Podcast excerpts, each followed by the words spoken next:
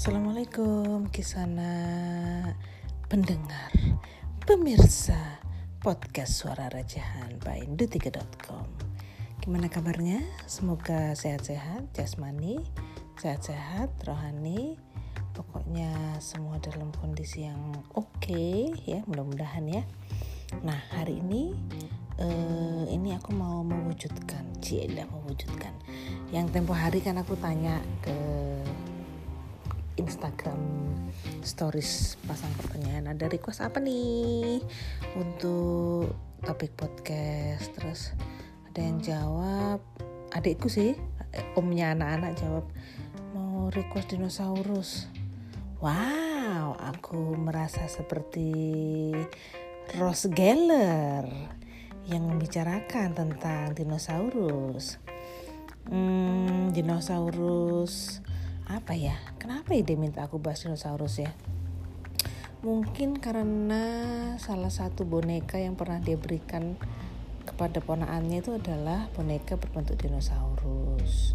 Nah tapi nih kalau ngomong-ngomong soal boneka aku punya cerita yang gimana ya? Mengharukan barangkali lucu.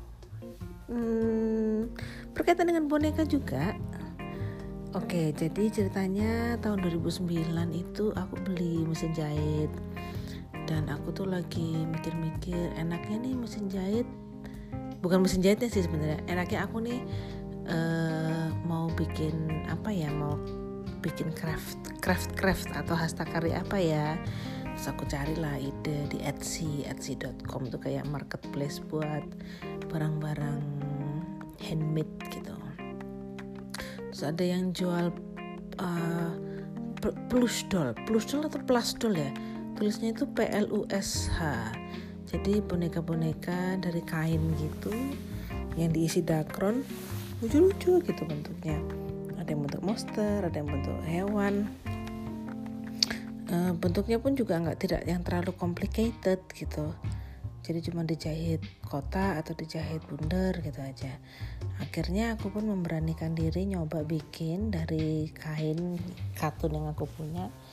Terus pas begitu jadi loh kok aneh ya bentuknya. Bisa dilihat tuh di gambar kalau kalian buka dari Spotify itu ntar kelihatan tuh ada gambarnya.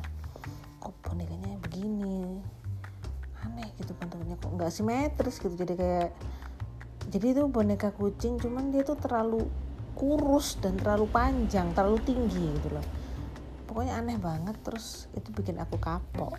Aku jadi mutung gitu aku pikir kayaknya memang bukan di urusan perbonekaan deh kalau aku.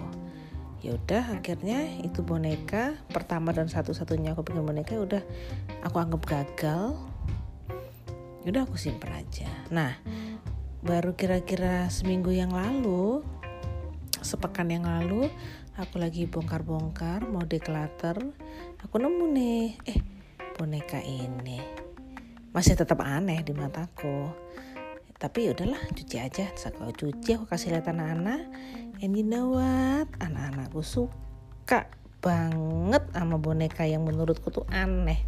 Saking sukanya itu tuh langsung yang uh, menjadi boneka yang paling mereka favoritkan terutama oleh anakku yang kecil si ADM itu. Jadi si M, M ini saking sukanya sampai dibawa pergi naik mobil pas kita pergi jalan-jalan. Ya aku ya diem aja gitu kan, kok tumben sih. Terus aku tanya ini bonekanya apa? Dia bilang ini boneka bunda. Jadi dia tuh menganggap bonekanya itu adalah bunda gitu.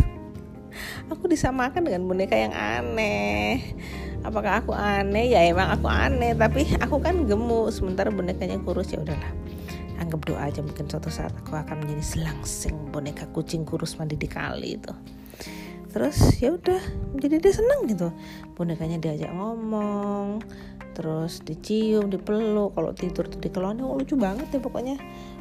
Boneka yang aku pandang sebelah mata boneka yang dulu hampir tak buang tapi nggak jadi ternyata setelah 11 tahun boneka itu malah menjadi boneka kesayangan anakku anak-anakku gitu loh. Jadi apa ya hikmahnya? Mungkin kalau mau dicari hikmahnya ya segala sesuatu itu mungkin awalnya tuh akan kamu lihat sebagai sesuatu yang buruk yang jelek gitu loh. Tapi kalau kamu bersabar dan kamu diamkan tidak ditanggapi dengan emosi dengan dibuang atau apa udah kamu biarin aja. Mungkin cepat atau lambat in this case ya lambat ya karena butuh waktu 11 tahun setelah boneka itu dibuat barulah terus boneka itu menemukan pemiliknya yang sangat-sangat appreciate gitu loh sangat-sangat menyukai dan menyayangi boneka itu. Ya kalau mau nyari hikmah ya kalian cari sendiri aja deh kurasa adalah sesuatu yang apa yang bisa dipetik dari cerita ini. Tapi silahkan kalian simpulkan sendiri-sendiri aja. Ya udah gitu aja lah ceritaku hari ini tentang boneka. Kita jumpa lagi di postingan berikutnya. Hanya di suara rejahan detika Bye bye. Wassalamualaikum warahmatullahi wabarakatuh.